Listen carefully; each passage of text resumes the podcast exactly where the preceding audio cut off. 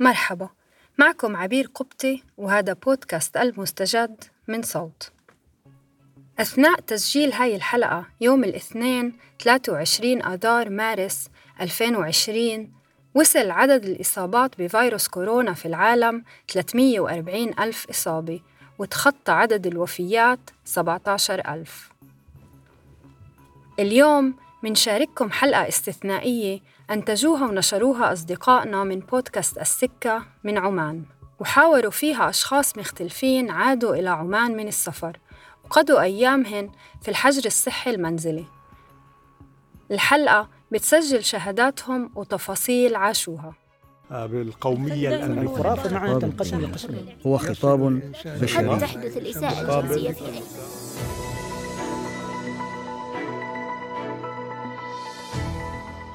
مرحبا بالجميع. معكم تركي البلوشي أتمنى أنكم تستمعون لهذه الحلقة وأنتم بالبيت لأن الجلوس بالبيت وتقليل الحركة في الخارج هو أهم إجراء توصي به منظمة الصحة العالمية في هذا التوقيت. ذلك لتقليل فرص انتشار فيروس كورونا المستجد كوفيد 19 في ظل التطورات المتسارعة الخاصة بانتشار فيروس كورونا قررت الكثير من الدول من بينها عمان القيام بدعوة الناس لإجراء الحجر الصحي المنزلي. وهذا الإجراء يقصد فيه عزل الناس المشتبه إصابتهم بالفيروس خاصة القادمين من دول بها إصابات أو أشخاص خالطوا مصابين. يهدف الإجراء إلى التأكد من أن هناك سيطرة كافية على حركة الناس في هذا التوقيت لأن خطورة فيروس كورونا المستجد تكمن أنه تحول إلى جائحة.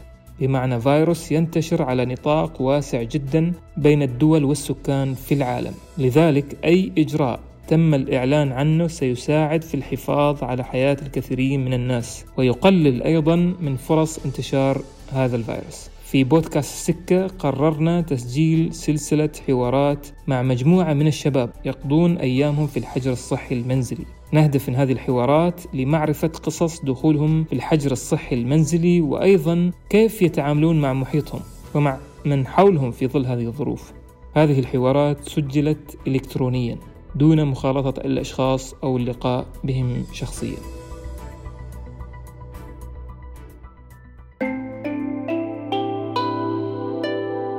السكة للبودكاست.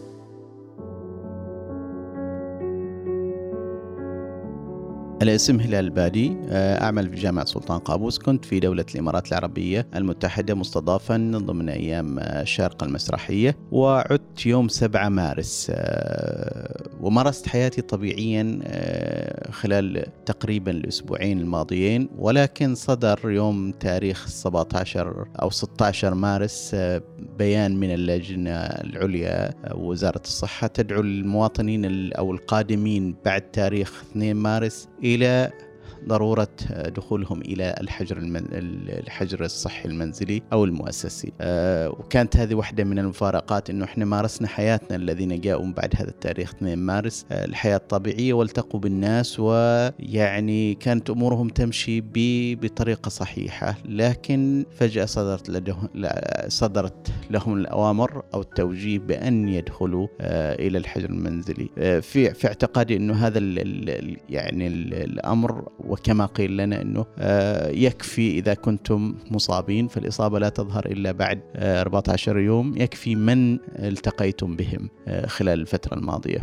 وهذا تدارك ل للأمر وربما يعني تقليل إذا في حالة الإصابة لا قدر الله تقليل لكمية عدد المصابين. دخلت الحجر مثل ما ذكرت يوم بدءا من تاريخ 16 بعد عودتي من الدوام. وطبيعي إنه الأمر لا يخلو من خوف وتوتر. كون أنك تدخل حجر صحي هذا يعني إنه في احتمالية كبيرة أن تكون مصابا. وإن شاء الله نأمل إنه لا تكون هناك إصابة وإنما هي إجراءات احترازية لا أكثر ولا أقل. لكن علينا التقيد بال بال بالبيان وبالإجراءات التي طلب منا أن نقوم بها. يعني الحجر المنزلي ليس سيئا كما قد يظن الكثيرون. آه إنما هو محاولة ل تقليل كمية عدد المصابين. إذا في حالة أنك كنت مصاب كما قلت أنه الإصابة لا تظهر إلا بعد 14 يوم. ويعني الوقاية خير من العلاج كما يقولون. بطبيعة الحال أنت وأنت تقوم بالحجر الصحي.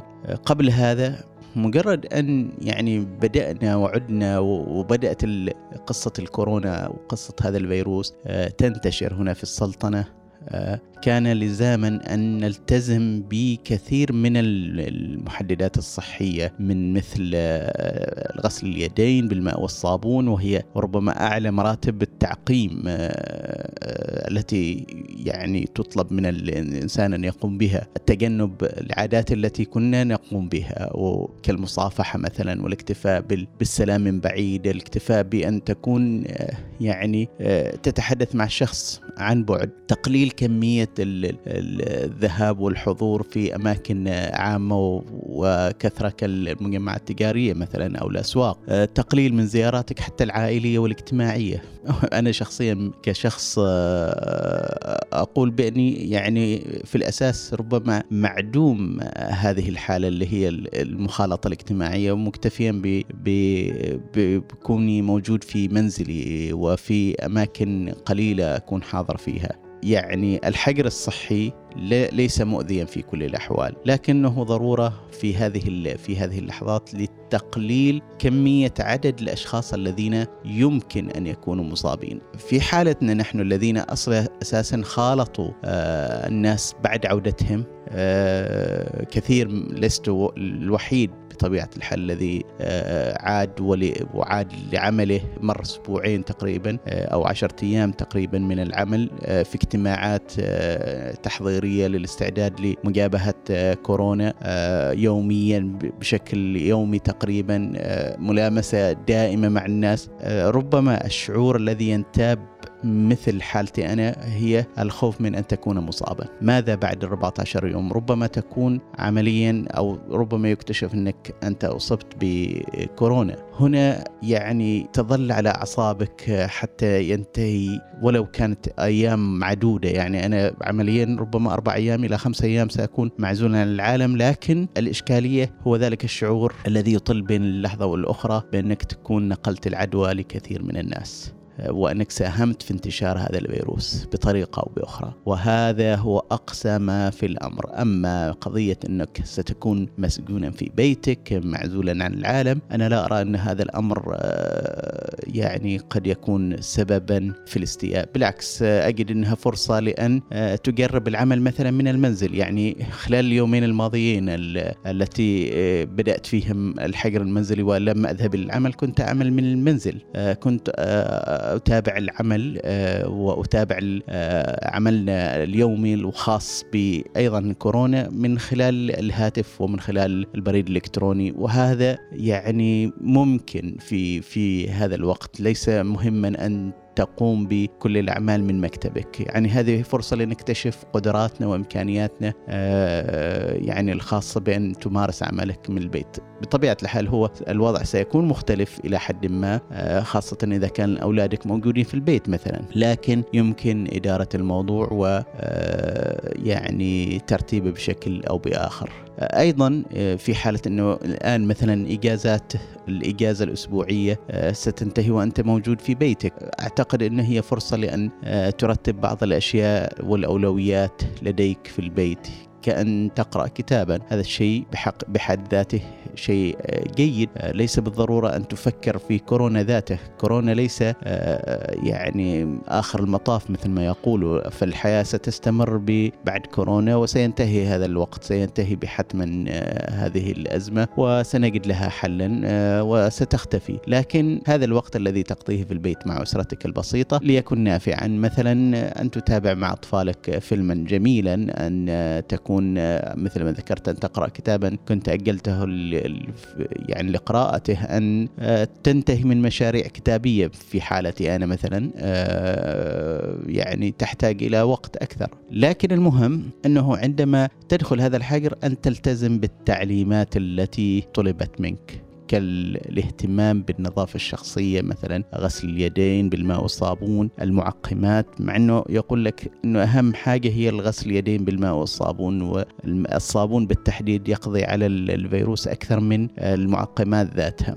ولذلك الاهتمام بهذه العادة اليومية التي آه، ربما كثيرون يهملونها آه، يعني يقي كثيرا من هذا الفيروس وغيره من الفيروسات. ولذلك آه، ستكون عادة حميدة إن استمرت لدينا مسألة غسل اليدين بعد قبل وبعد كل وجبة الصباح التأكد من أنه كل حاجة في البيت معقمة أيضا خاصة الأسطح التي يعني التي ربما يتواجد عليها الفيروس مقابض الأبواب الطاولات مثلا الكراسي الأقمشة التي عليك أن تنفضها وأن تنظفها بشكل جيد بالمعقمات المناسبة. هذه هذا ما يعني ربما يكون درس الأهم في في موضوع كورونا والعزل المنزلي. هذه بالنسبة لي هي تجربتي مع العزل المنزلي ولا ولا أدعي أنه حجر حقيقي كون أني سأخذ منه أربع إلى خمسة أيام فقط. الحجر الذين دخلوا الحجر الحقيقة هم الذين منذ أن عادوا وحتى اللحظة لم يخرجوا ولمده 14 يوم. هؤلاء هم تجربتهم الأنسب آه، الحديث عنها كونها إنها فترة أطول. مع إني أقول آه، مررت ربما بعزل خاص بي في فترات سابقة. لا أخرج للناس ربما ليومين أو ثلاثة أيام وأجلس في البيت. وهذه ربما من أسعد اللحظات التي آه، لا يدركها البعض. أن تستمتع بما لديك في بيتك آه، وأن تشاهد مثلا الأفلام التي آه، لم تشاهدها من قبل. أن تقرأ ما لم تقرأه من قبل أن تعيد التفكير في أشياء كثيرة. العزلة ليست سيئة بحد ذاتها إنما نحتاج إلى كثير من التفهم لماذا هذه الإجراءات حاليا. مرة أخرى نقول إنه يعني ليس هناك من داعي للخلق للهلع ولكن علينا الاحتراز بشكل جيد. فكورونا مشكلته الحقيقية ليس كونه مرض مرضا قاتلا وإنما كونه سريع الانتشار وسرعة الكشف عنه بطيئة بشكل لافت. 14 يوم ربما تكون هناك كمية كبيرة جدا من المصابين دون علمنا دون وأن نكون نحن المساهمين في هذه الإصابة. أتمنى أن يعني تمر هذه الجائحة بسلام وأن نتعلم منها كيف يمكن لنا أن نستفيد بشكل كبير من وقتنا ومن التقنيات الجديدة خاصة في في العمل والتلاقي وتغيير العادات القديمة آه، والعادات الاجتماعية التي ربما آن أن نفكر في كيفية يعني عادة صياغتها. آه، يعني المناسبات الاجتماعية كافة ينبغي أن تتغير آه، في الوقت الراهن. سلمنا وسلمكم جميعا من كورونا ومن غير كورونا ومن كل الفيروسات والمصائب. وسلم هذه الأرض الطيبة عمان بإذن الله.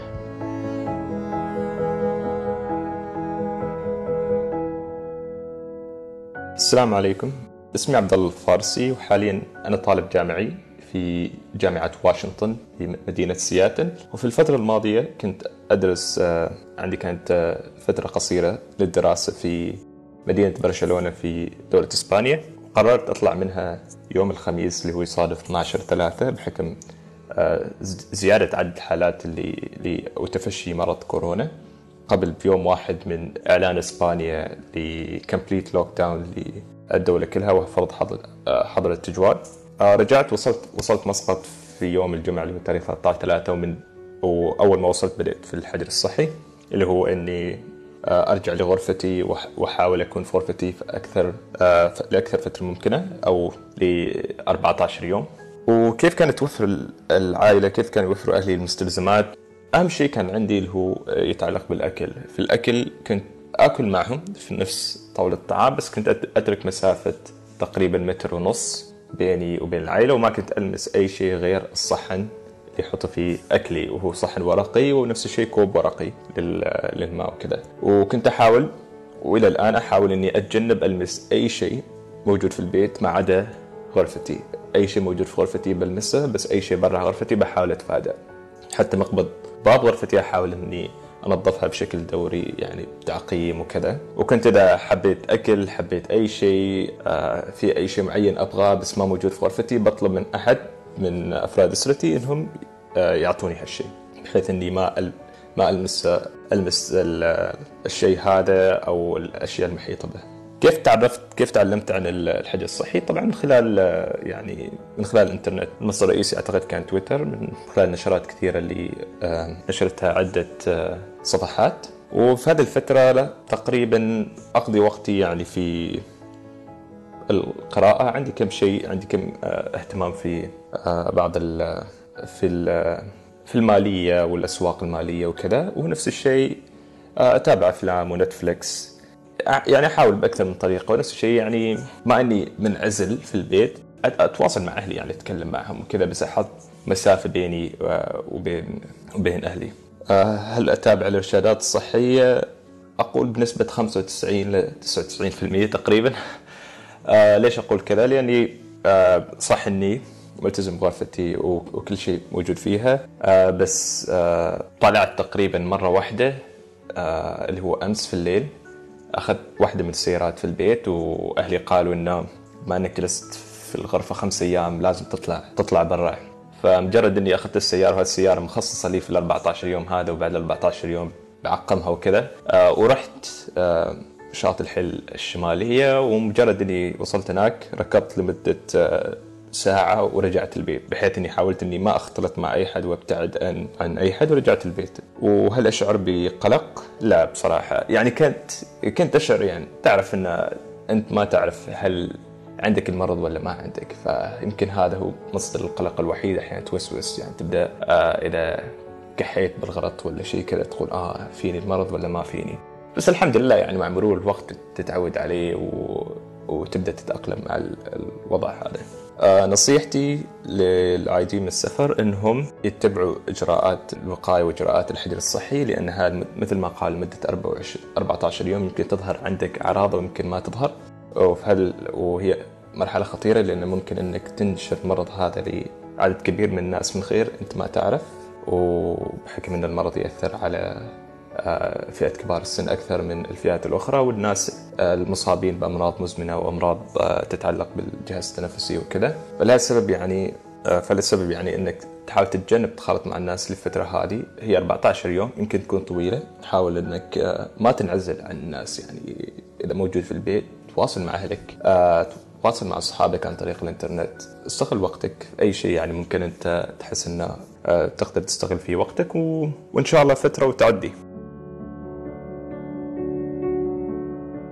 خميس بن سالم السلطي موظف في الهيئة العامة للإذاعة والتلفزيون. أتيت من دولة مصر في التاريخ الحادي عشر من مارس 2020 ودخلت للحجر الصحي في اليوم التالي بتاريخ 12 من مارس 2020 في حقيقة الأمر كنت أعرف بإجراءات آه، الخضوع للحجر الصحي من وأنا موجود في مصر وعندما أتيت لمسقط أيضا آه، حصلت على بعض الإجراءات الإضافية من عيادة المطار.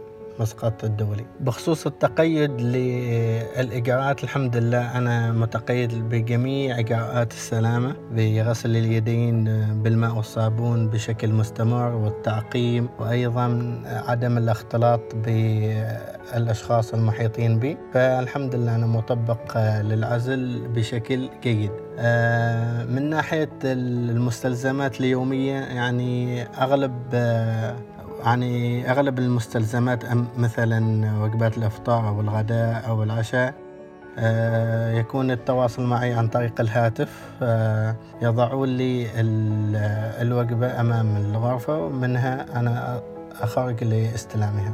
الحمد لله لم أشعر بيوم بالقلق وأنا في الحجر الصحي لأني أنا الحمد لله تكيفت مع الوضع وأيضا أشغلت وقتي بجدول آه، يناسبني ويلائمني. فالحمد لله آه، يمر عندي الوقت بشكل ممتع وبشكل سريع. آه، نصيحتي لجميع الخاضعون الحجر المنزلي أو القادمون من السفر رجاء التقيد بإجراءات السلامة والإجراءات التي تناشد بها اللجنة العليا التي خصصت لهذا الموضوع. وبالذات جلوسنا في المنزل هو خدمة للوطن بعدم إضرار أي شخص منا خصوصا كبار السن أو الأطفال.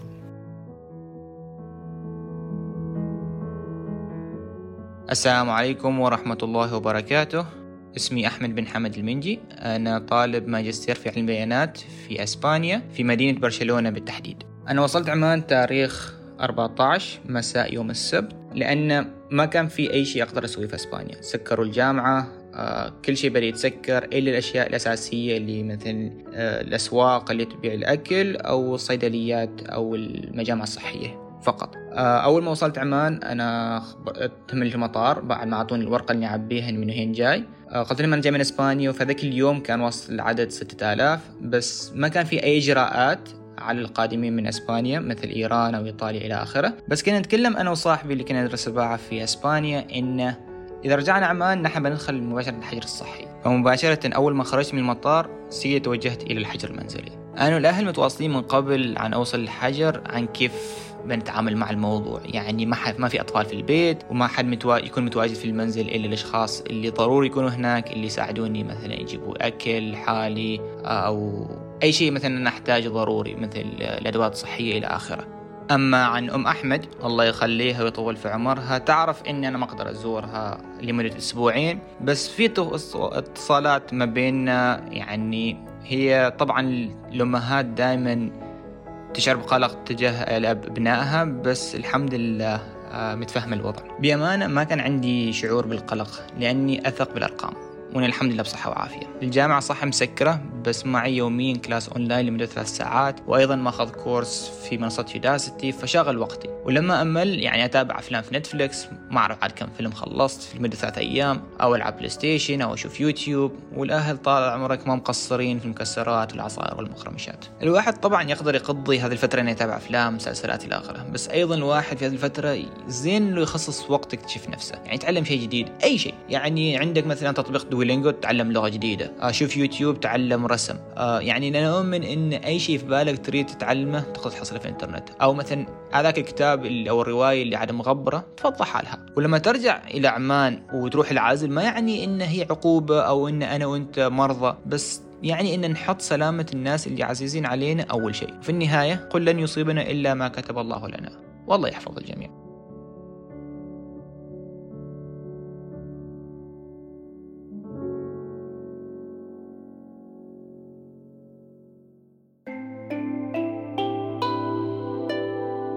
السكة للبودكاست.